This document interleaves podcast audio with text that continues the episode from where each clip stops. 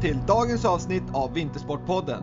Tack för att ni lyssnar och att ni hjälper mig att berätta om podden till alla era nätverk. Med alla intressanta gäster som jag haft och kommer att ha tycker jag alla ska få chansen att ta del av deras kompetens, erfarenhet och förmåga att ge inspiration. Så följ Vintersportpodden där poddar finns så ni får ett meddelande när ett nytt avsnitt är publiceras och naturligtvis följ Vintersportpodden på Instagram för att få relevant information om vad som är på gång och inspiration. Varmt välkommen till Vintersportpodden.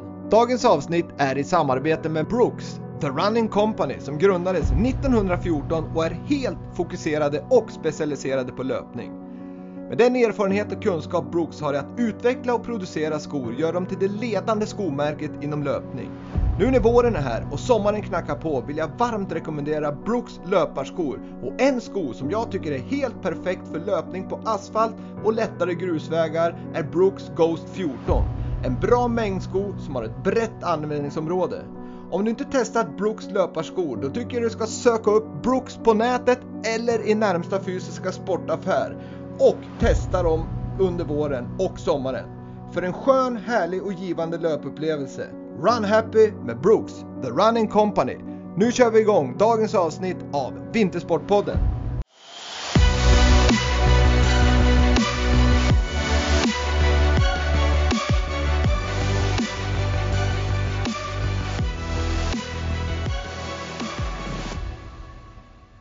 Dagens gäst i Vintersportpodden, hockeyprofilen och med nästan 500 SHL-matcher och numera dokumentärfilmaren.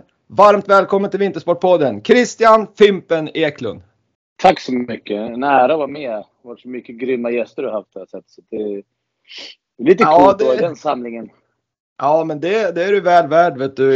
Jag håller med om att det har varit grymma gäster, men du är ju lika grym tänkte jag säga. Du har ju både en härlig karriär och sen gör du ju väldigt mycket gott, tycker jag, för hockeyn i, i din, eh, om jag får kalla det dokumentärfilm, eller dokumentärserie, Fimpens Resa. Eller vad, vad kallar du det? Är det dokumentär?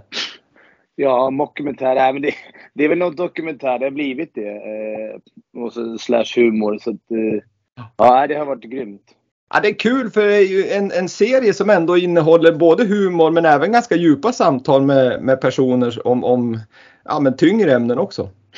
Ja, faktiskt. Det har blivit så. Och jag vill, min roll har ju bara varit att försöka få dem att slappna av och, och liksom vara mig själv. Och då har det blivit en del lite tyngre men oftast liksom mer hjärtligt. Att, eh, speciellt den här säsongen tycker jag jag har känt att jag har varit i mitt rätta element med lite lower leagues Eh, folk som jobbar ideellt, precis som den, där alla kommer ifrån någonstans. Och där, det finns så mycket hjärta i, den där, i, den där, i den ligorna.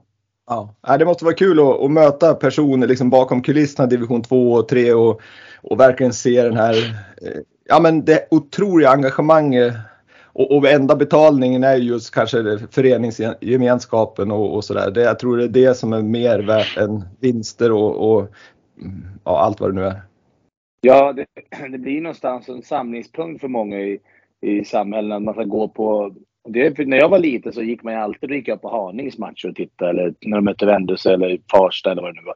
Det har ju försvunnit lite nu med att det finns så mycket på TV. Och det är det jag vill att man ska gå tillbaka För det finns så underbara människor och det är grym gemenskap i de här lägre divisionerna. Och det har ju varit helt otroligt att vara där och kolla. Just speciellt ute i landet. Här i Stockholm har vi tappat det helt. Och det, jag hoppas att folk börjar gå på, på lägre divisioner igen. För det, det finns något där.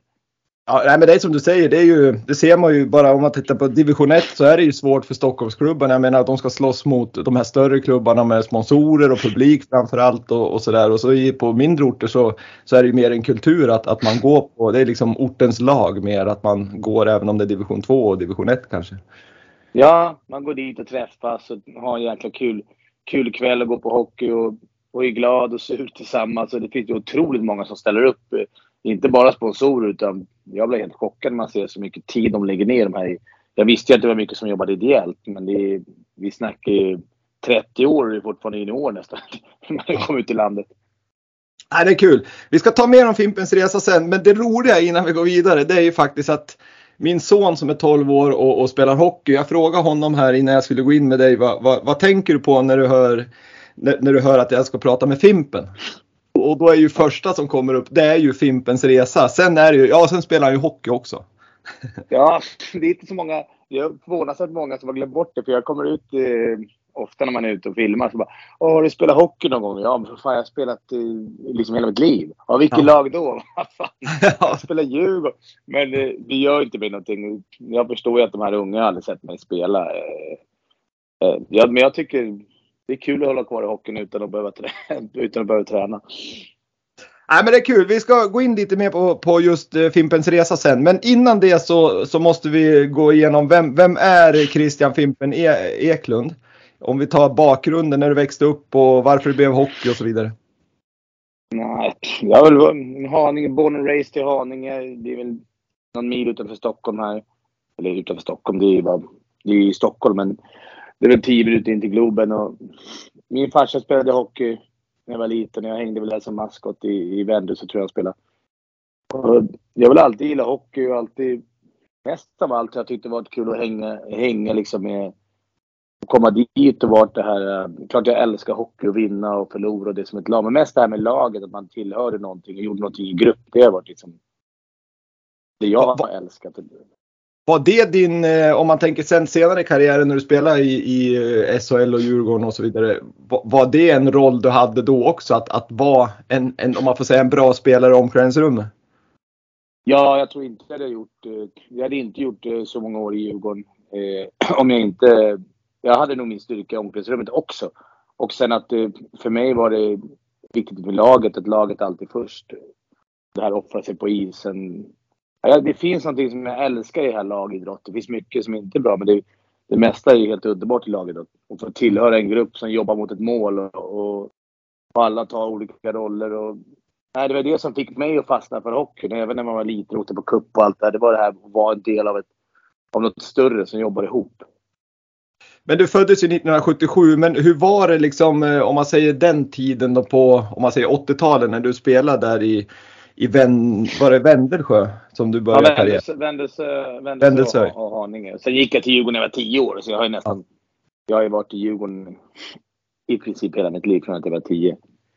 Men hur, hur, hur tycker du liksom om du ser nu då, vi kommer in på just din, din roll som hockeypappa sen, men hur, hur, hur tycker du liksom eh, hockeyn har utvecklat sig från där på 80-talet till nu rent, om jag tänker som, inte, inte tekniskt och så vidare, men, men som i, i miljön och atmosfären och, och attityder och så vidare? Både på gott och ont, tycker jag. Jag tycker att det som har blivit mycket bättre är ju klimatet i omklädningsrum. Och jag kan jämföra mina egna barn. Jag har både ett ledare och haft en, en stor kille som spelar. Hur klimatet, när jag växte upp, att det har blivit mycket mjukare och bättre efter tiden. Det var mycket hårdare förr och det var speciellt när man kom upp i junioråldern och sånt så var det ju mycket tuffare och det var inte mobbing. Men det var, det var väldigt hårt. Alltså barn är elaka och även ungdomar mot varandra. Jag tyckte det var mycket värre då eh, än vad det är nu. Däremot så det, det har blivit bättre. Det som blivit sämre är den här stressen runt, eh, runt hockeyn. Att det är nästan 12-åringar som har ont i magen där ute för att de inte kanske ska få bli uttagna i någonting eller du vet TV-pucksåren där att folk stressar ihjäl sig. Både, mest föräldrar faktiskt. Men, men den stressen tycker jag har blivit värre. Eh, Speciellt nu med alla so- sociala medier och allting. Det, det sprids så snabbt och det är så viktigt att... Jag vet inte, jag tycker att man kan se stress hos ungdomar som är alldeles, alldeles för tidigt. Den stressen kommer ju när man är vuxen liksom. Så det, det har blivit sämre. Men Ja. eh, själva miljön har blivit bättre. Ja, och det, det är ju på något vis både positivt och negativt. För positiva det är ju såklart att den, den tunga delen med, med liksom hårt klimat och mobbing och så vidare har blivit bättre. Det har ju trots allt det har ju varit och är ganska stor debatt om just det ämnet nu också. Men, men eh, som sagt var det, det, det som har upp- uppkommit mycket liksom med, med Erik Ashoka och alla de här NHL-historierna som, som var, det var ju back in the days det också. Sen, sen tror jag, men du, du upplever ändå liksom att man gör bra insatser från förbund och, och föreningar att liksom ja, men försöka få bort den här hårdare sidan inom hockeyn. Ja, det tycker jag. Alltså, hockey, vi ska aldrig vara nöjda. Vi ska, vi ska, vi, så fort vi börjar vara nöjda, då kommer vi bli dåliga. Så vi ska alltid sträva och, och bli bättre. Det finns fortfarande grejer som måste förbättras. Men om jag jämför med hur det var för 20-30 år sedan och jag, och jag pratar med mina barn nu och när jag var ledare som sagt, så är klimatet just det, den grejen tycker jag att vi, det är mycket, mycket bättre. Det har blivit bättre, speciellt det här ja, penalismen och allt det där från ledare och sånt där. Det, det har blivit bättre. Eh, sen är inte det överallt säkert perfekt, men vad jag, vad jag känner så är klimatet i ett omklädningsrum. Vi kunde, vi kunde säga grejer i omklädningsrummet som, som du aldrig skulle kunna säga i ett omklädningsrum nu. Och det tyder på att det går framåt. Sen är vi, som, återigen, vi är, inte, vi är inte där än. Vi kommer aldrig vara där, men, men det blir bättre. Ja, men det, det, viktiga är ju alltid, man, självklart ska man ha nolltolerans mot dåliga saker, men, men man måste ju jobba mot det för det, att komma till noll, det är som i trafiken. Det är ju, har man en vision om att noll ska avlida trafiken så är det ju ganska liten sannolikhet att vi är där, men man måste jobba mot det så att säga. Ja, och sen tycker jag ibland man, man fokar, om vi kommer liksom in på sådana saker, man, det är mycket fokus på utövarna hockey. Så sen tycker jag publiken är lika stor del. Där måste det också förbättras. Alltså publiken på barnkupper och på hur man pratar i chatter och på sociala medier.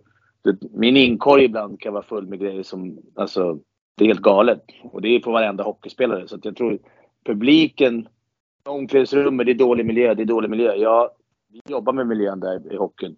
Vi måste också jobba på läktaren. Alltså, då menar inte jag klackkulturen och sånt. Då menar jag gemene man, sponsorläktaren, vanliga läktaren, på nätet.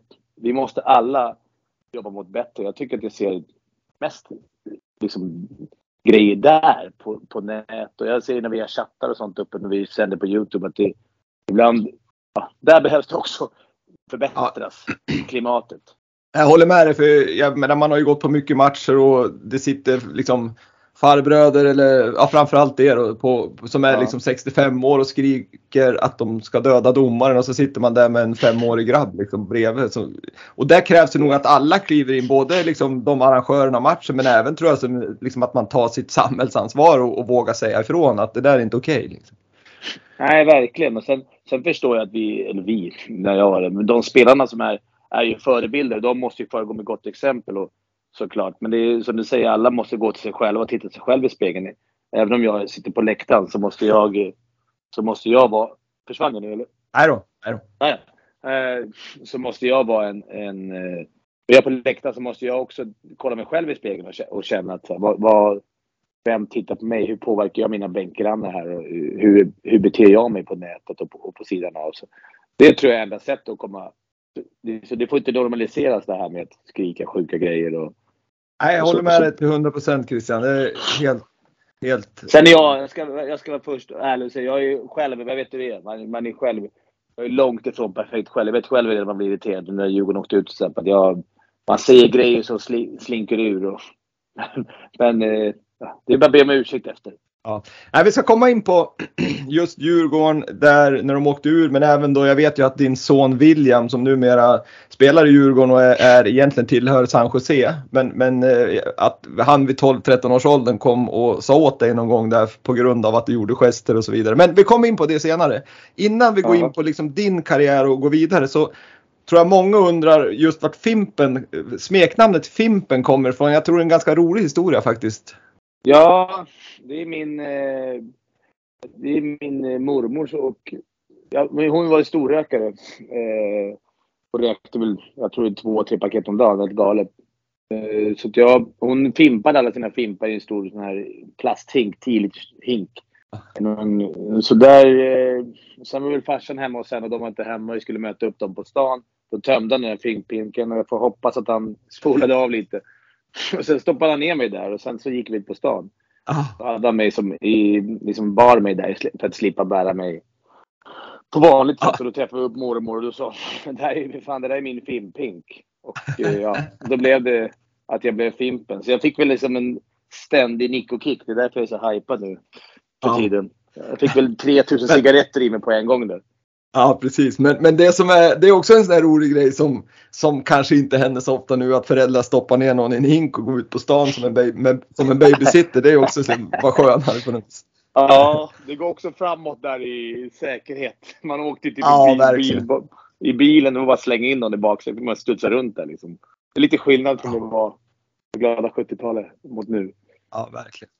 Men du, eh, om vi går in på karriären då så, så är det som sagt var, du gjorde ju väldigt många säsonger. Totalt sett tror jag 14 säsonger i DIF eh, i Djurgården Hockey med, med inklusive de här J18, J20 säsongerna. Eh, det var väl nio säsonger i SHL och sen var det ju en som dessvärre då vann mer. Det var din sista säsong i Djurgården när ni åkte ur och spelade en, en säsong i Allsvenskan. Ja. Det, det intressanta tycker jag när man tittar på din karriär det är ju att just att du har i stort sett om man tänker liksom, har du spelat i Djurgården, sen hade du ett år i Tyskland och så något år där du åkte till Sunne och, och spelade i Haninge. Men, men va, va, varför var valet att liksom välja dels Sverige men också Djurgården hela, hela karriären? Ja, jag, vet jag gick dit när jag var 10 så jag tror jag var 23 år totalt i klubben. Ja, med, med, man räknar med, med de där små åren. Det var väl lite, jag låg väl här gyllene. För det första så var ju någonstans hela tiden att komma till Djurgården. Det var ju min mitt slutmål någonstans. Och det kanske var dumt. Man kanske skulle satsat ännu högre. Jag vet inte. Men jag, jag var väldigt nöjd med att vara och stolt att spela Djurgården. Och jag var väl lagom, jag var lagom dålig för att ingen annan skulle vilja rycka mig. Och jag var lagom bra för att jag skulle få vara kvar. Så att eh, jag var en sån här gyllene... Och på den tiden så gick man inte så mycket till andra klubbar. Det, det, även om man skulle fått det så var det små pengar. Mm. Alltså om man skulle byta klubb. Jag var ingen sån som tjänade mycket pengar. Men jag har alltid trivts här i Djurgården och älskat våra fans. Och, och liksom sen jag var liten, där, det är speciellt. Jag var tio år och mitt mål hela tiden, eller min dröm ska jag säga, mitt mål var det inte. Jag ville bara spela hockey. Men min dröm var hela tiden att spela Djurgården. Så när jag väl fick chansen som 22 eller 23 år eller vad det var så då, då gjorde jag min dröm och då, då gjorde jag allt för att bara få vara kvar där. Då blev det väl att man Sen testade ett år i Tyskland mer för att man, man borde ha gjort det tyckte alla. Så jag gjorde väl det och, och kände sen efter ett år att nej, jag vill vara i Djurgården. Vad var skillnaden det... där då om man tänker just i Tyskland där och, och, och Djurgården? Var det liksom var det stämningen i, i, runt laget som gjorde att du återvände eller var det hockeyn som sådan som, som gjorde att du återvände? Både och tycker jag. Alltså hockeyn var ju, det var ganska kul men det var lite annorlunda hockey för man spelade mycket för sig själv. Även i omklädningsrummet var det mycket, vi var inte, jag har alltid varit som jag sa i början, jag har alltid varit kul att spela i ett lag och, och jobba mot ett gemensamt mål. Där var det mer jaga poäng, vem som kunde få med nästa kontrakt och stressade över det. Och det, det den stilen, det passade inte mig. Jag är lagspelare, så jag, jag ville vara jag ville, jag ville vara någonting, att man jagar någonting ihop. Och sen är det inte alltid man når det målet. Men det, så var det inte i Tyskland då.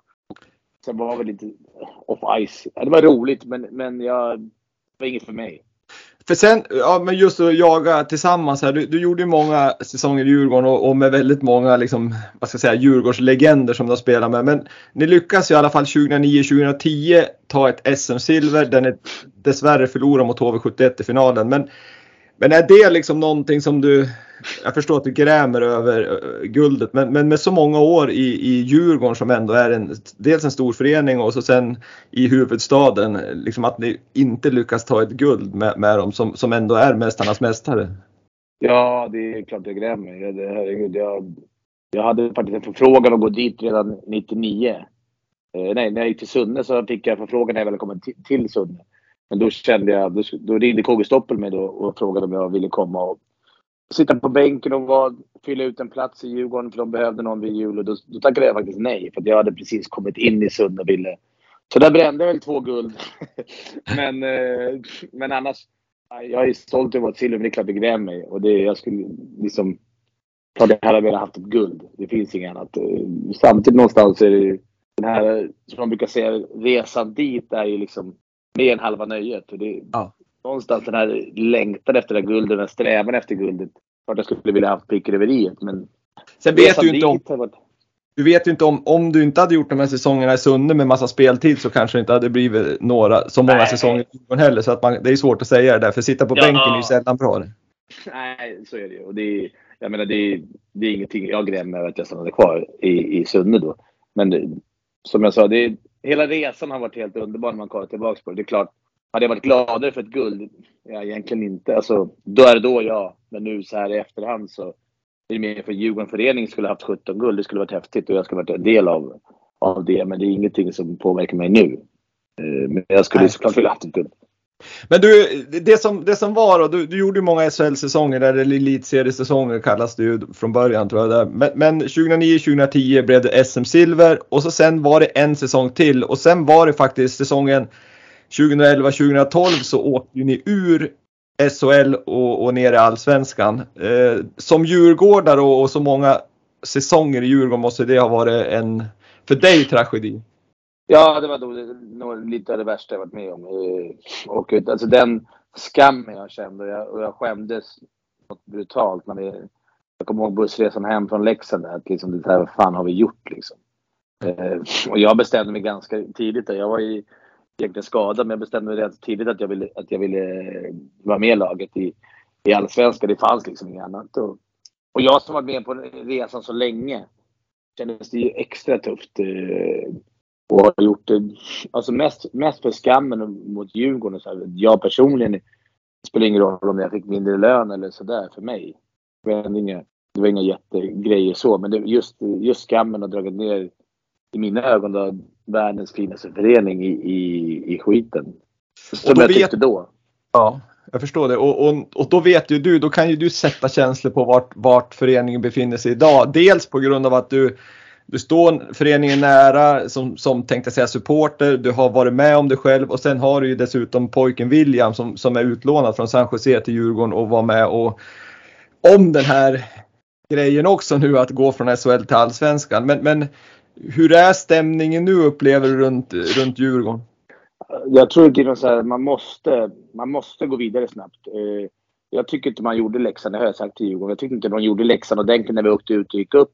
Jag tycker inte förändringarna blev tillräckligt många. Eh, vi har, där lärde vi oss inte det vi hade behövt lära oss. Utan vi kom aldrig tillbaka till den här maktfaktorn. vi, vi kom upp och bara överlevde i SHL. Och sen, det, här, det var väl liksom bara en tidsfråga, kände jag.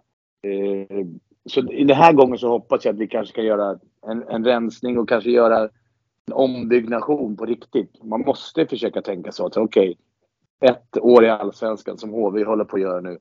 Bygga om, få tillbaka energin. Jag menar, fansen tror jag kommer alltid finnas kvar. De kommer finnas där. Så länge man vinner med hockeymatcher så kommer de att komma. Men det, jag tror man måste förändra ganska mycket nu och visa fansen att kolla här, nu har vi tagit det här på allvar. Vi gör om. Vi bygger om. Och, vi, och det, det tror jag är det tror jag är Djurgårdens utmaning nu.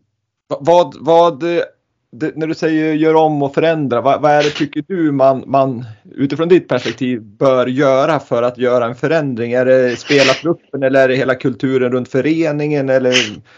Jag skulle säga kulturen runt föreningen. Att, och man skulle titta på alla positioner i föreningen.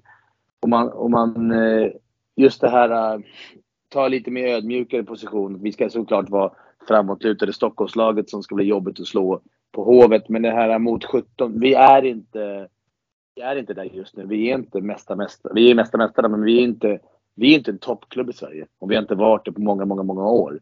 Eh, vi vann guld för 20 år sedan, ish. Eh, så vi, vi måste nog ta till oss mycket. Vi måste ta en ödmjukare approach, tror jag, Djurgården.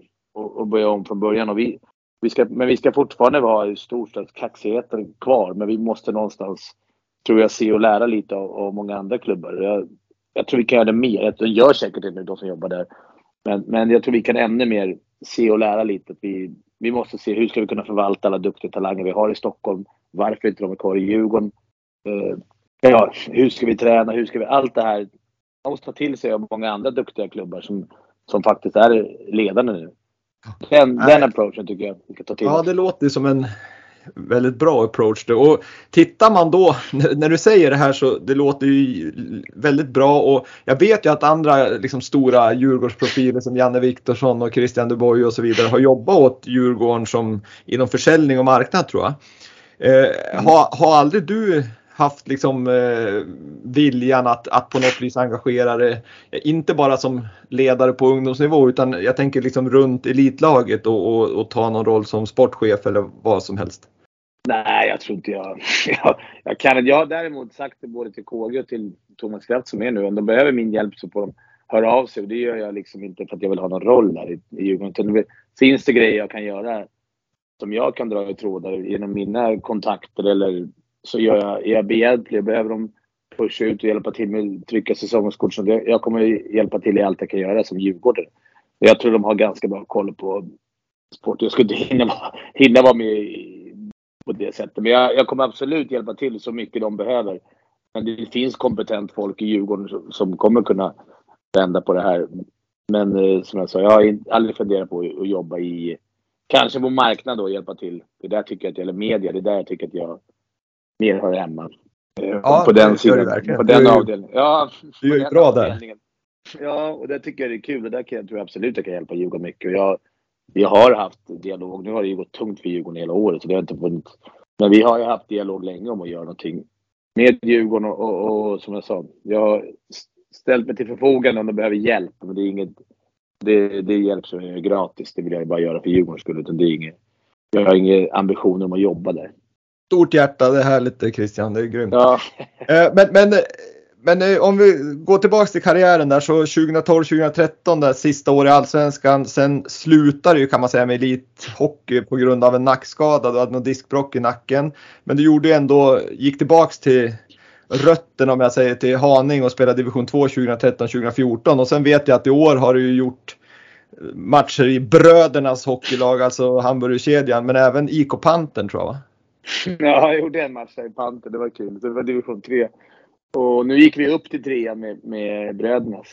Ja, ja, men liksom, vi, du har sånt stort hockeyhjärta att du liksom vid 45 års ålder, nack, nack diskbrock, så, så tycker du liksom du brinner för hockeyn så att du vill spela liksom. Ja, men det har blivit kommit tillbaks liksom. Jag har blivit bättre i nacken och jag, och jag, jag gjorde den här inspelningen med bröderna så kände så här. Mera det här, det var kul att spela och det var mer att det var ett lag igen och var en grupp och så jag blev liksom fast igen och så snackade jag med dem och så bara, nu vill jag, jag vill börja här. Och då har jag bara spelat fem matcher i kvalet här nu. Så vi, men det var hur roligt som helst. Och just det här med, igen, tillhöra en grupp och där är ju hockeyn otrolig, eller idrotten överhuvudtaget. Men just hockey som jag kan, det är ju otroligt där. Där det är ett fungerande omklädningsrum, där man är ett gäng grabbar som tävlar mot någonting oavsett nivå. Så det är helt underbart att tillhöra det. Nej, det är verkligen det, det, är någonting som är väldigt bra. Sen är hockeyn ganska speciell där i och med att man får ju rätt mycket tid i ett omklädningsrum tack vare att man ska byta om och man ska ta sig. Så att det blir oftast en timme, 45 minuter innan och likadant efter. Så att det blir mycket tid ihop. Liksom. Ja, det blir mycket tid, vilket är härligt. Men det är väl också det kanske som skrämmer många att börja med hockey. Att det, att det tar mycket tid och det är dyrt. Och, så det är både ett problem och Ja, precis. Det är ju, exakt, det är både framsida och baksida. Men du, ja. du var själv inne på det här med, med ja men vi, vi touchar vid svensk hockey om jag, om jag säger så. Vi vet nu att det, har, det är inne i, i en period med både kval upp till SHL. Det har varit kval ner från SHL till Allsvenskan. Division 1 håller på med, med sin serie för kval upp till, till Allsvenskan och så vidare. Eh, hur ser du på systemet som, eh, som, som vi har inom svensk hockey med play-up eller eh, slutspel, vad säger uppåt men även neråt? Ja, nu, vad jag än säger nu så kommer det låta som att jag tycker det är orättvist med Djurgården. Men om vi bortser från att Djurgården åkte ut. Eh, jag, tyck, jag har tyckt det här nu. Men jag tycker att den här play-down-matchen, båda matcherna som har varit, eller båda matcherna, både HV-Brynäs och, och, och Tibro-Djurgården, har ju varit skithockey otroligt. Det har bara varit kul för media. Det har varit ångest för spelarna och det laget som har mest att förlora kommer alltid åka ut. Eh, så är det. Jag tyckte att HV var ju topptippade, hamnade där och det var givet att de skulle åka ut. Djurgården, större klubb än Timrå, eh, givet att de skulle åka ut. Och det har att göra med mentala mest. Eller bara nästan. Så jag tycker, jag tycker systemet just så att man ska åka ut genom en bästa sju match är jävla piss om jag får säga det så. Mm. Däremot så tycker jag allsvenska slutspelet otroligt kul.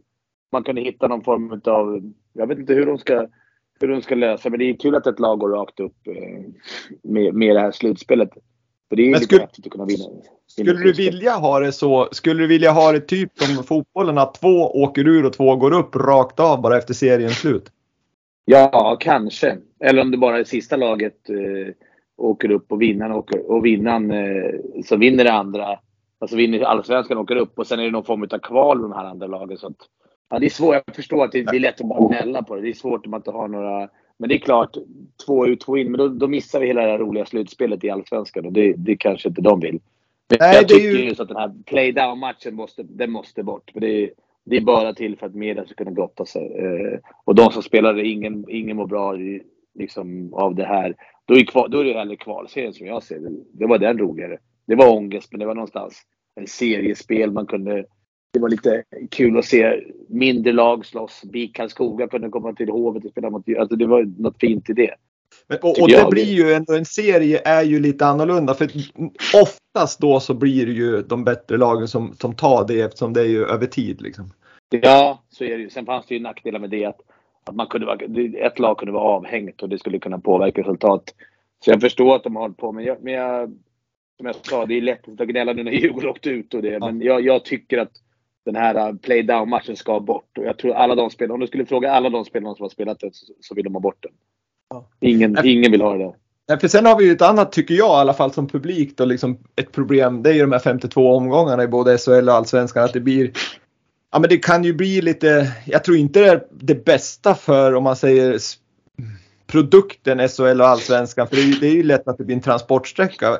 Där har ju jag alltid haft en idé om att man borde dela in det i block liksom så att man spelar sex matcher och det är ett block. Vinnaren där får något form av bonuspoäng. För då skulle man också kunna få, spurtar man då mot slutet så, så kan du få lite bonuspoäng och det kan hända lite grann. Och då blir ju de här sex matcherna som ett litet slutspel varje, varje block liksom. Ja, ja det har du. Det är, det är nog svårt att få in i... Ja, det är ju- insatt. Det är, jag förstår vad du menar. Det kan bli... där. De här 52 omgångarna. De sämsta lagen var ju Timrå och Djurgården. Så det var ju... Det går ju inte att ljuga bort eh, efter 52 omgångar. Sen så, så är ju varje match egentligen viktig. Men jag förstår att som publik är det ju...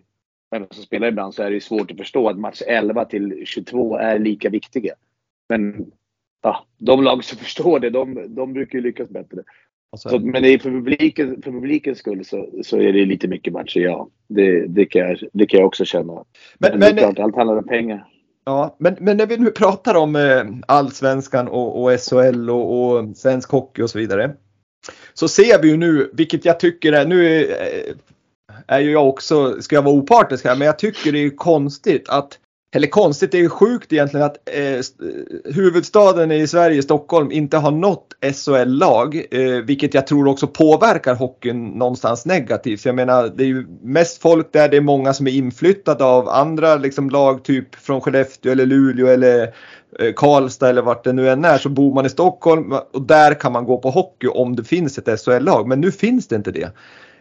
Nummer ett, varför finns det inte? Och nummer två, kommer man från SHLs, liksom hockeyligans, om det inte liksom kommer tillbaks något lag inom kort, kommer man göra någonting åt det tror du? Oh, tunga frågor. Var, varför inte Ja. Förutsättningarna, förutsättningarna i Stockholm är för dåliga för lagen. Alltså för både AIK och Djurgården. Om man nu ska räkna med alla med, med istider. Och när man delar en istid där med, Eh, alltså som Djurgården har. Man får sitta med, man, ibland får de ta på sig grejerna och skridskor och gå ut i en buss och åka en mil till en liten ishall och träna där. Eh, med full utrustning på sig. Jag menar ett A-lag. Det, det tror inte jag händer i Växjö eller i, i Karlstad. Men sen har vi fördelar så vi hittat ett system där vi kan ta hand om alla våra talanger. För jag menar, vi, det, är, all- det är ofta Stockholm i final i TV-pucken. I år vann vi Djurgården U16-guld, J18-guld och J20-silver. Så jag menar, vi har ju, det finns ju... Vi, vi lyckas inte ta hand om dem. Och vad gäller laget så tror jag just pengamässigt så är det hård konkurrens hos sponsorerna i en stor klubb. Eller storstad. Och det är förutsättningarna. Djurgården Hockey är inte lika viktig för Stockholms stad som som eh, kanske Färjestad är för Karlstad. Det, Nej, nej, det finns ju en- återigen den här kulturgrejen att, att där i Karlstad eller i Skellefteå eller vad det är så är det ju liksom ortens lag liksom på riktigt. Där knyts Ja. allting kring, kring laget. Ehm, Och, och Det en, inte här. nej, och, och är vi inne på den frågan så tänker jag lite ekonomi och så vidare och stolthet och allt vad det är. Hovet är ju för sig starkt förknippat med Djurgården men jag tänker liksom Djurgården som förening äger ju inte arenan och, och har ju liksom inte möjlighet kanske på samma vis att att göra ekonomi på, på arenan som man kanske har i, i Gävle eller Karlstad eller Skellefteå. Det är det som är, det, är ju, det är det jag menar med förutsättningarna. Det är inte bara träning och sånt där och, och att du är lite på ishallar. Det är just det. Vi äger inte arenan. Vi är svårare att tjäna pengar. Jag tror inte de tjänar en spänn på om någon går och köper en korv, korv i kiosken där, medan de kanske gör det och äger hallen. Så det är ju. Sen som, som Djurgården och AIK så vill jag någonstans, men det är så lätt att gnälla, gnälla på det. Man, man får försöka liksom se bort det, för det kommer alltid, vi kommer aldrig få en egen hall i Stockholm. Det kommer inte, en egen arena. Det kommer inte hända. Det tror inte jag i alla fall, inte på länge. Så man får, sen har vi många fördelar. Vi flest hockeyspelare spelar här, vi har flest talanger som är här i Stockholm. Så jag menar, man får välja. Antingen sitter man och gnäller på att förutsättningar inte finns eller så får man liksom vända på det och se vad har vi då? Vi har ju som jag sa mest, mest hockeyspelare är ju här eftersom vi är störst och vi har ju faktiskt det är en, storstad. Vi borde ha fler sponsorer. Man får tänka framåt istället för att tänka ja, på det som är dåligt. Ja. Men anledningen att vi ligger där, är, är, där vi är, är nog förutsättningarna. Att det är, det är tufft eh, att bedriva sport i Stockholm i konkurrensen och att det är, de kan inte hjälpa till för det är AIK, Djurgården, Bayern. Det går liksom inte. I Göteborg så har du Frölunda, det är bara dem. Jag menar, vi, vi, I den här storstaden så är det ju sponsorer som inte kan sponsra AIK eller som inte kan sponsra Djurgården eller Hammarby. Eller... Men det funkar ju. Det är bara att titta på fotbollen. Det går ju. Så, så att, man får inte fastna i det här att, det, att allt det, det, det är någon annans fel. Utan vi måste bara helt enkelt lösa det. För det går ju i fotbollen uppenbarligen. Nej, så därför ska man ju göra det man kan påverka här och nu och det är ju som du säger tidigare, ta hand om talangerna på bästa sätt. För, vi, för Stockholm har ju, jag, jag hörde någonting som sa, jag vet inte om det är sant, men man hade ju fler potentiella målvakter, bara målvakter till TV-pucken i Stockholm än vad man hade liksom totalt sett spelare i hela Hälsingland, alltså inklusive utespelare. Ja. Så att om man hör ja, det, det och, och, det, finns, det finns ju någon sanning i det, då, då förstår man ju att, att, att man har förutsättningarna. Men man måste ju som ta hand om det och, och få spelarna att vilja stanna också i, i regionen. Ja, och det, det är det som är det tuffa. För det är ett steg mellan mellan junior, J20 upp till A-laget.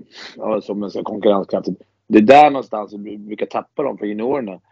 Om det fanns bättre kanske, vi skulle kanske behöva en allsvensk klubb till i Stockholm där man kunde spela. Vi kanske skulle behöva ännu starkare division 1. Jag förstår att folk inte kanske vill åka ut till Huddinge och spela för 100 pers. Alltså då åker man hellre ut och spelar division 1 i någon annat, i någon annat eh, del av Sverige. Där det är lite publik och man får lite lön och, och sådär. Så det, ja det, det är en svår nöt att knäcka. Ja, man, blir en liten, man blir en profil på, på byn också kanske om man kommer till en mindre stad. Exakt, exakt. Och det, men det finns, eh, som sagt, man måste ändå titta på fotbollen. Nu, det kanske är annorlunda där, men de har ju lyckats ha tre, tre lag, och tre bra lag i mm. Allsvenskan. Så att, eh, det, ska, det ska bara funka. Jag menar, det är klart vi har en utmaning, men vi har också fördelar. Det, Verkligen. Och det, någonstans, det är där vi ska kolla ja, se på möjligheterna. Precis, för det, det menar att Leksand har ett lag, ett topplag i SHL med 4000 eh, ja. personer. Sen har de börjat gnälla om att ja, det är ekonomi, det är doping och det är, det är liksom, det är varför koncentrera sig på sånt? Det är inte det. De, de gör ett jävla bra jobb och alla ställer upp på Karlskoga år efter år som är så en liten ja. liksom, eh, ort som, som också, nu ligger de och kvalar här och, och upp till SHL och, och, de är ju år efter år är de ju topp. Liksom. Så att, ja, eh, så det finns ju de, de klubbarna gör både Leksand och, eller alla de här klubbarna gör ju någonting jäkligt, jäkligt bra. Och det, lite av det ska vi, ska vi sno. Eh, men som sagt, det är olika utmaningar och, och jag tycker man ska koncentrera sig på det vi har som fördel och försöka utnyttja det. Och vad gäller SHL Kommer, kommer SHL påverkas att, att ingen Stockholmslag i år? Nej, det tror jag inte. Inte, inte nämnvärt på ett år. Men, men i längden, ja. Jag tror att, jag tror att man behöver mer, eller behöver, men det är bra för SHL att ha Stockholmspubliken med sig såklart. Och jag, jag är orolig att, att kommer det inte upp ett lag snart så, så vet jag att de jag vet inte, Stockholmspubliken kommer uppenbarligen inte kolla för de kollar på sina Stockholmslag. Men Stockholmspubliken blir trött också. Det var länge sedan det var framgångar för något Stockholmslag och produkterna i SHL har väl inte varit som jätte... Så, så det, är ingen, det är ingen som skulle kolla på typ Färjestad Örebro eller Timrå Oskarshamn bara för att man tycker att hockey är så jäkla kul. Det, det, det, tror jag inte. Det är inte många, om man nu snackar Stockholm. Men visst kommer SHL överleva och visst kommer det vara bra. Men det är klart, i längden kommer det ju tappa både medialt och eh, publikmässigt. Alltså lite. Men det kommer ju man såg ju när Leksand och Djurgården spelade allsvenskan sist här. Någon, ja, då, då var det ju då var ju allsvenska varumärket nästan starkare än SHL-varumärket. Ja, det, det, är nu, nu får vi derbyn. Det är absolut inget jag skulle ha haft, men nu är vi där vi är med Djurgården om man ska snacka Djurgården. Och det här derbyna och, och det finns många klassiska lag, Björklöven, Modo. Får se vilka som går upp också. Men, men det finns ju lag där som kan bli härliga matcher. Och, och det är inte omöjligt. Jag tror inte Djurgården kommer egentligen tappa så jäkla mycket publikmässigt när man summerar säsongen sen. Mot hur det varit i år att ligga i botten av SL. Mot förmodat ligga i toppskiktet av Allsvenskan. Och få de här derbyna som det snackas nu om ska spela på Tele2 Arena. Du kan få 30 000. Och, jag menar, får man till sådana utematcher och slå publikrekord, ja det är klart att Allsvenskan kommer lyfta rejält. Ja men verkligen. Det, det, man får se det, det som en Eh, vad ska jag säga, också en möjlighet att, att utveckla. Men jag, jag, tror som vi var inne på tidigare så om man tar det här på rätt sätt, alla som åker ur, om vi inte bara ser Djurgården, men eh, liksom de som åker ur på något sätt, att man tar det på rätt sätt, man, man går till botten med, med, varför man åker ur och så gör man liksom man gör om och gör rätt helt enkelt och bygger för framtiden. Då, då kan det ju komma någonting bra ur, ur alla sådana här saker. Ja, jag pratar med många HV-fans som, jag, som man känner. De har ju, när jag snackar med dem idag, de har inget... De, så länge de går upp nu så har inte det här året gjort ett dugg för dem. De har, tyckt, de har haft bra med publik, de har haft drag runt laget, de ligger i toppen, de slåss om ett slutspel och går upp i SHL. Alltså det är kanon, men det är, det är inte alltid det går så bra. Men man måste, man måste ju någonstans se det positiva. Man kan inte hålla på och gräva ner sig. Vi måste, vi måste göra så. Verkligen.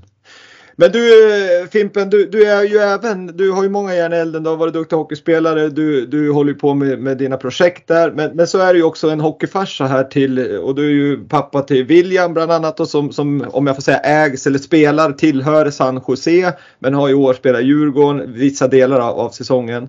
Viktor spelar i Djurgårdens J18, tog SM-guld där. Och så sen eh, har du ju en liten mindre pojk som heter Frank som jag ännu inte kanske har börjat med hockey. Men men om, om vi går in på, på just rollen hockeyfarsa här. Hur, hur, vi var inne på det tidigare att det kanske har blivit lite bättre kultur i omklädningsrummen. Men hur, hur ser du föräldrarnas roll inom hockeyn? Liksom att, att jag, jag, det, någonting jag tycker har, om jag ska säga försämras, det är ju att när vi var mindre då, då spelade man och föräldrarna la sig inte i så mycket utan ledarna fick hålla på till skillnad mot nu där jag tycker att många föräldrar ska lägga sig i träningar, uttagningar och, och så vidare.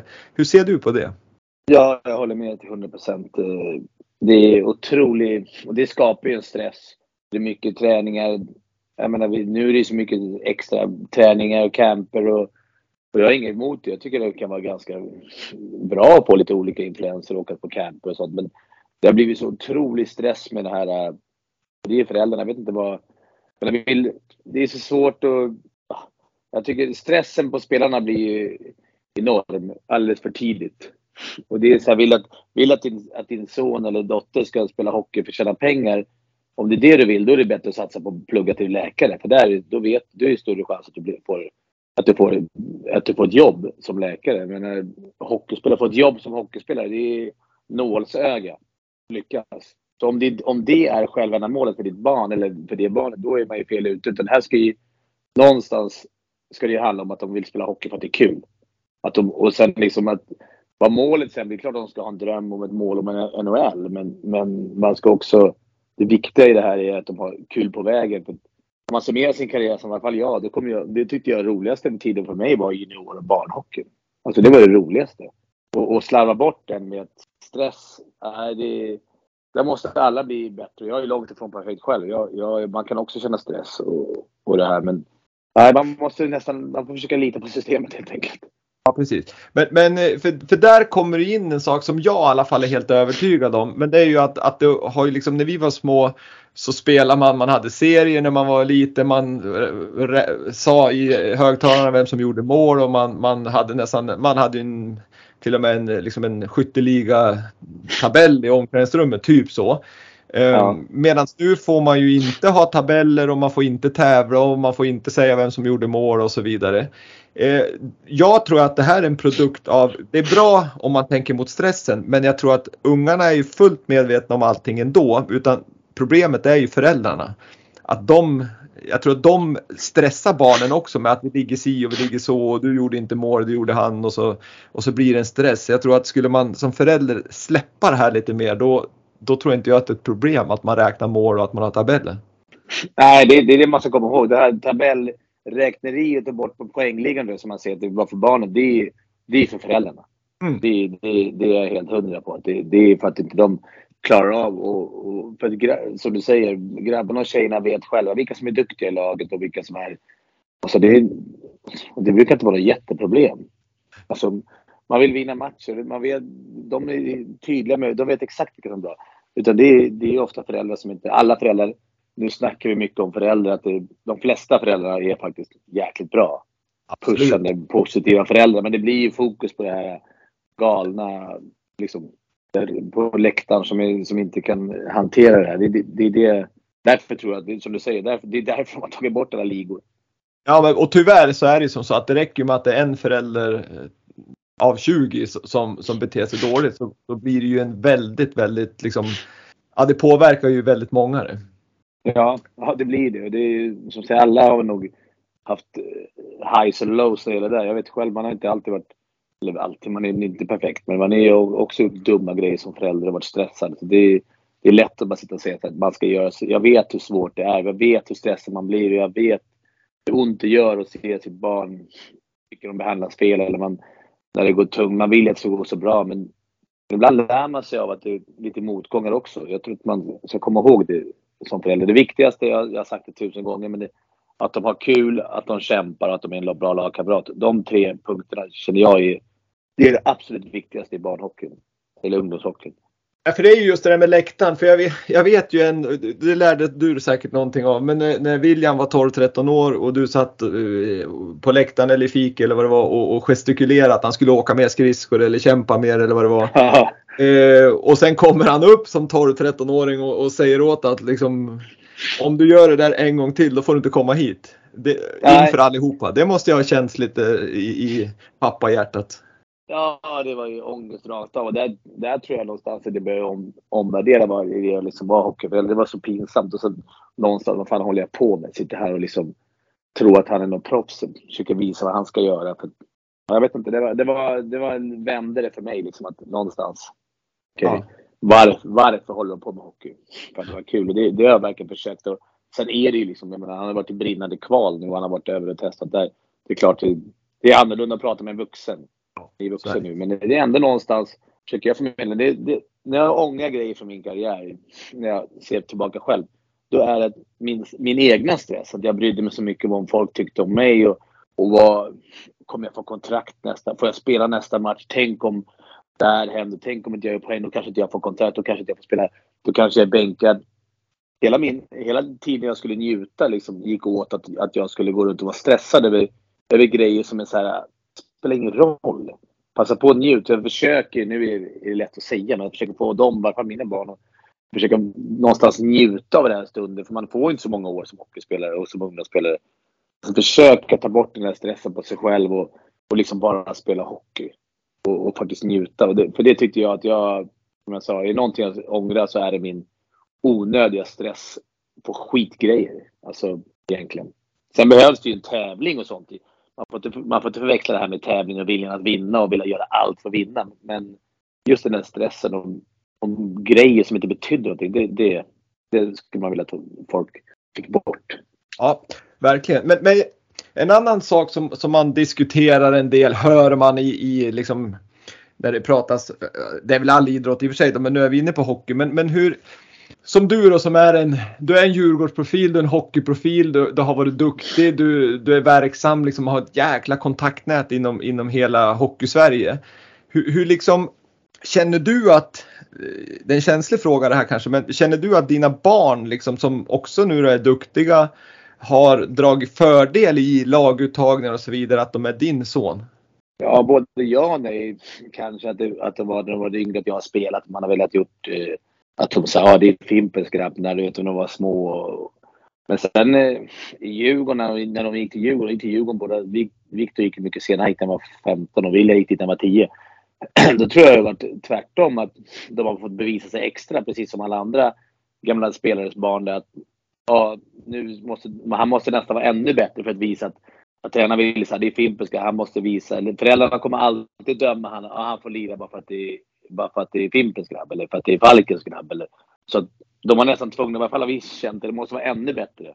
För att kunna liksom verkligen slå hål på det där. För det, oavsett så kommer folk alltid tycka att han fick en, en räk, räkmacka. Och det, och det har vi snackat om som barn. Att det, det kommer vara... De har ofta... William spelade och Victor Mer spelade ofta med äldre. Så det, det har varit dubbla grejer. Att säga, han är yngre, han får spela där bara för att. Du vet, och så, de har varit väl, väl jag var, vi har varit ganska tydliga med det hemma. Ni måste hela tiden vara ännu bättre. För det kommer alltid vara folk som tycker. Och det är samma där. Stressa inte upp och bry dig om vad folk tycker, utan kör bara. Liksom. Men det är som jag sa, det är både säkert hänt någon gång att de har tyckt det varit kul för att deras skull. Men jag tycker flera gånger har det nog mer varit tvärtom. Att, så här, att de har fått mycket skit när de har varit duktiga. Så ja, nej, det är svårt. Det, det, det är jävligt ja. svårt. Men det är nog ganska bra att man pratar om det och liksom så att, så att, för de får ju säkert också höra saker som, som inte är så jävla roliga att, att du får bara spela för att du är eh, son till, till en känd hockeyspelare. Ja, självklart. Det kommer ju oftast det... från föräldrar också så att det är ju ganska hårt för en unge. Och, och det. Ja, det blir det. Men det är, ja, det är tufft. Det, det låter som världens läbbigaste sport nu hockey men det är också jäkligt underbart. Jag får inte glömma bort det. Absolut. Men du, ett sista ämne här i, i eh, Vintersportpodden med, med dig Fimpen, det är ju just Fimpens resa som, som vi, vi pratade initialt om en, en, en del. Och, men men det, du startar ju den efter din karriär där, eh, ja, men runt 2013-2014 om jag inte är helt borta. Mm. Eh, och vad var liksom, för det var ju ganska tidigt ändå att köra igång på Youtube då. Det, det var ju som en du var ju, även om det fanns internet så, så du var ju rätt tidigt ute med, med den här typen av, liksom, vad säger bakom kulisserna. Hur, ja. Var, varför startade du det till att börja med? Jag fick faktiskt frågan, det är ett produktionsbolag som heter Medvän, eh, Mårten Bergman och Joakim Österberg som, som frågade mig om vi skulle, om, de, om jag var sugen på att göra, det var nog en journalist som skulle programleda det här egentligen från början. Men, men jag hade gjort en intervju och de kände väl någonstans att jag kanske hade jag kanske hade det som behövdes för att komma lite närmare och då gjorde vi någon provfilmning i Haninge här och de, vi visste inte själva riktigt vad det skulle bli. Sen har det vuxit fram till mer humor och, och, och, att det skulle bli sån succé direkt, det hade vi inte, det hade vi liksom inte vågat hoppas på. Och, det är mycket tillfälligheter och och att eh, spel, det var ju så att när jag som gammal spelare kom ut så, så öppnade de upp sig lite mer och, och kände sig, eller öppnade upp sig, de kände sig lite mer trygga när jag kommer kanske än om det kommer en journalist. De litar på det. Ja, och att vi hela tiden var tydliga med att det här är feel good. Vi är inte ute efter några rubriker utan vi vill bara få en inblick. Vi, och de slappnade av och blev väldigt härliga. Och, och sen har man ju spelat med många genom åren så det var ju ganska enkelt. Och så tycker jag som sagt, jag tycker det har varit som bäst i år när vi har fått göra lite lägre divisioner. Att man får ja, för det har ju gått... Ja, men du började ju där med, med SHL och, och, träffa spelare och ledare och föreningar och sen var det ju allsvenskan och sen nu i år så har du ju kört lägre divisioner, alltså division 2 och tittat lite grann vad som händer på, på orten och då har du slagit publikrekord uppe i Brunflo och så vidare. Hur, hur liksom Får du själv styra innehållet eller är du väldigt, väldigt styrd utifrån vad, vad respektive liga liksom har för samarbetspartner och vilka de inte vill jobba med och så vidare? Ja, eller allsvenskan har vi aldrig gjort. Eh, vi har bara SHL. Vi får inte göra allsvenskan för det, det handlar om vad Bett som, som då är avsändare, vad de, har, vad de sponsrar för liga. Och när de blev av med sponsorskapet för SHL, eller om de valde att avsluta det, så, så öppnades en helt ny värld. Jag har ju mycket att bestämma eh, i min produktionsbolag vad, vad för typ vi ska göra. Men just ligor där är vi ganska bundna av för att folk sitter fast i avtal. Ligorna är ju sponsrade av olika bolag. Så är det ett annat spelbolag så kan vi inte göra det. Och då, då hamnar vi i ett läge där vi i år då hade division 2, division 3 och 4 att göra. Så det, där är vi ju styrda, men just innehållsmässigt eh, gör vi, gör vi vad vi vill. Och, och för, för, som sagt var, jag tror att det är ju liksom rent tv-mässigt och, och sådär så är det ju en jäkla, det är ju en, du får ett starkt innehåll att göra division 2 och division 3 för det blir ju en härlig bild man, man förmedlar. Ja, vi tyckte att det låg rätt i tiden också. Det har varit mycket Alltså hockeyn har haft sina utmaningar med många. Det har hänt mycket runt hockeyn som har varit negativt, eh, vilket är bra att det kommer fram. Men det har också varit överdrivet mycket negativt runt hockeyn. Eh, tyckte jag. Så det var ganska skönt att få visa upp en, en, faktiskt en fin del av hockeyn. Och hockeyn är ju jäkligt fin också. Så det, så det, det kändes perfekt att få visa upp den. Och, hur mycket folk det finns som jobbar och, och att den stora Alltså det stora procentuellt så är det väldigt bra folk. Det sker mycket bra i hockeyn. Även om vi aldrig ska vara nöjda. Så på det sättet passade den här säsongen helt perfekt. Men vad har du, vad har du för planer framåt med Fimpens? Vad har du inte gjort som du skulle vilja göra? Ja, det är mycket. Jag skulle vilja åka ut i Europa och, och träffa, ska se omklädningsrummen liksom i Rumänien och Spanien och, och i Finland. Och, alltså, det skulle jag vilja göra. Och jag skulle även vilja, vilja prova att spela lite.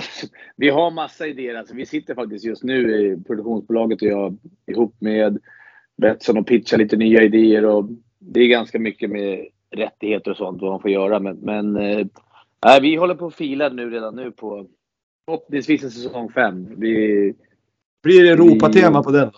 Jag hoppas det. Vi vet inte. Det, det, till slut är ju Betssons beslutet av vad de, vad de har rättigheter, vad de har vad de vill göra. Men, eh, nej, men vi, har hoppats på säsong 5. Vi har faktiskt redan nu börjat det som, lite om, som kommer handla om VM. Ah, okay. Eh, så vi, nästa vecka drar jag och produktionsbolaget till Finland och gör en liten ja, förberedande för landslaget, humor och såklart, eh, om eh, Tammerfors där, vi ska, där Sverige kommer spela. Ja men fasiken vad. Det blir ja, kul. Alltså, det blir lite, kort, ja, lite kortare liten kortare variant eh, av Fimpens Resa. Ja, kul, härligt.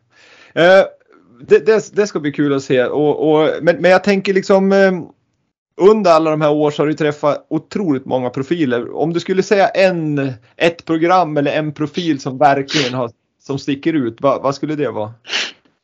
Såklart, jag skulle såklart säga Utta, för han har varit med. Men, men förutom han, han är i Djurgården så det är klart att jag säger han, är, han är med i varenda program, Uffe Johansson. Eh, han har varit med mig hela tiden där, Trappornas konung.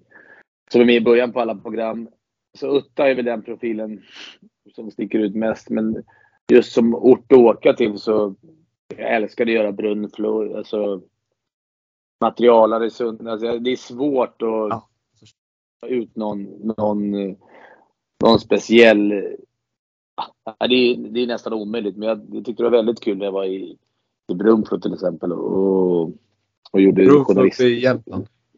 Ja, och gjorde journalistspåret. Men jag, ja, ja. Jag, jag, tycker faktiskt alla, alla har varit roliga. Det har varit så många otroligt grymma profiler man har fått träffat där. Så det, ja, det är makalöst vad det finns för mycket roligt och ideellt folk i Sverige. Ja men det förstår jag och det är ju som sagt var det ger ju så himla mycket eh, glädje, energi av, av att få träffa de här. Men, men utöver Fimpens Resa så, så har du ju även, eh, tänkte säga, du är kollega med mig där i två poddar och du har ju bland annat Hockeytoto och 55an. Eh, ja. Ehm, jag tänker du, du, du måste ju ha ett ganska liksom ja, du måste ju, du har liksom, du kan fylla dina dagar med att planera Fimpens Resa. Du är borta och reser en hel del och det är ju ganska mycket jobb med att förbereda poddar också. Så att hur, hur får du vardagen att gå ihop med, med allting plus att du har tre barn? Ja, det, det är mycket. Det blir mycket. Mycket av de här görs på kvällarna.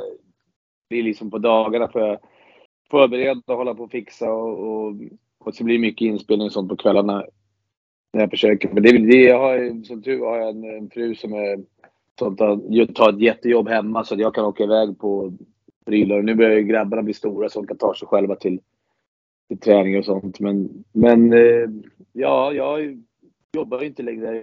Det är det här jag jobbar med. Så det blir eh, det är kul jobb för det är väldigt annorlunda. Ja, för jag tänkte just det där med, när ni har läst om det sådär så, så tänkte jag att det, det, här har du. Sen har jag också läst att farsan din har ju alltid haft eh, eh, ett, ett, företag som heter Rördoktorn där, där, du för några år sedan i alla fall sa att ja men du har jobbat där du och brorsan och, och, du vet inte om, om det blir så att ni ska ta över eh, på sikt. Men har du släppt de tankarna? Ja, jag kommer nog aldrig ta över. Jag är för dålig på det. Men jag jobbar där. Jag jobbar. Jag försöker lägga ner några timmar i veckan. Jag försöker lägga en 20 timmar i veckan i varje fall på 10-20. Jag försöker vara där nästan varje dag. Jag är här nu efter podden och, och hjälper till med löner och leverantörsfakturor. Mest för att jag tycker att det är, det är kul att träffa folk och, och sen är familjeföretag och mina kusiner och min farsa och, och morsa och brorsa alla jobbar där. Så, så. Men om du lägger ner 20 timmar så är det ju trots allt en halvtid så att det, är ju, det är ju lite tid. Men som sagt ja. familjeföretag då är det ju lite speciellt. Då jobbar man ju på ett annat sätt. Ja, sen ska jag väl vara ärlig och säga att några, tio timmar är kanske inte på också men när jag gör förberedande jobb för poddar och, ja. och andra grejer. Så det, sen har jag haft jättebra jobb både i, i båda i poddarna. Alltså, menar Mårten och, och Jocke som jag har som produktionsbolaget, de gör väldigt mycket jobb också. Förberedande och så att det blir lite möten och så. Att jag, jag har det ganska förspänt så. Man vill vara med och styra och, och tycka och tänka. Så det, det är väl upp till mig. Men det, det går lite periodvis. Just nu är det slutspel och det är mycket poddar. Och det, och som sagt, vi ska till Finland och spela in så då har det varit mycket. Men sen kan det vara på sommaren är det jättelugnt istället. Jag förstår. Ja, men det är kul när man brinner för någonting och man liksom har stor passion för ett ämne så, så brukar tiden vara mindre. Liksom, man, man kör på bara helt enkelt. Ja, så är det man, man tänker inte på att det, Jag tänker inte på att det är jobb när jag spelar in. Fimpens Resa eller när jag gör någonting. Det, för mig är det bara... Det är nästan semester om jag ska vara helt ärlig. Jag förstår det. Det är ju grymt kul. Men du, nu har vi snackat i uh, ungefär en timme. Och vi, det går fort när man har kul. Men, men innan vi avslutar den här podden uh, Christian så, så ställer jag samma fråga till dig som jag ställer till alla andra gäster. Och den kan du besvara ganska kort. Men kan du säga en framgångsfaktor för att lyckas med idrott? Ja, ha kul. Är, när, du inte, när du inte har kul längre, då kommer det vara svårt att bli bra. Du måste, det är oavsett om det är ett jobb eller om det är en, idrott eller vad det är. Du måste, du måste ha kul. Och, och det, du är inte först som säger, säger det och jag instämmer till 100% för att det när ger andra. Har du kul då kan du träna mycket och tränar du mycket så kommer du troligtvis bli bra om du håller från skador och, och så vidare. Så att, Exakt. Ja men du Christian, jag Billy Berlin och Vintersportpodden tackar dig jättemycket för att du har delat med dig av dina erfarenheter, kloka tankar och eh, kul att höra om, om vad som är på gång i Fimpens Resa och jag önskar dig all lycka framåt. Tack så mycket, det var grymt kul. Det var nära att få vara med. Kanon. Ha det så jättebra.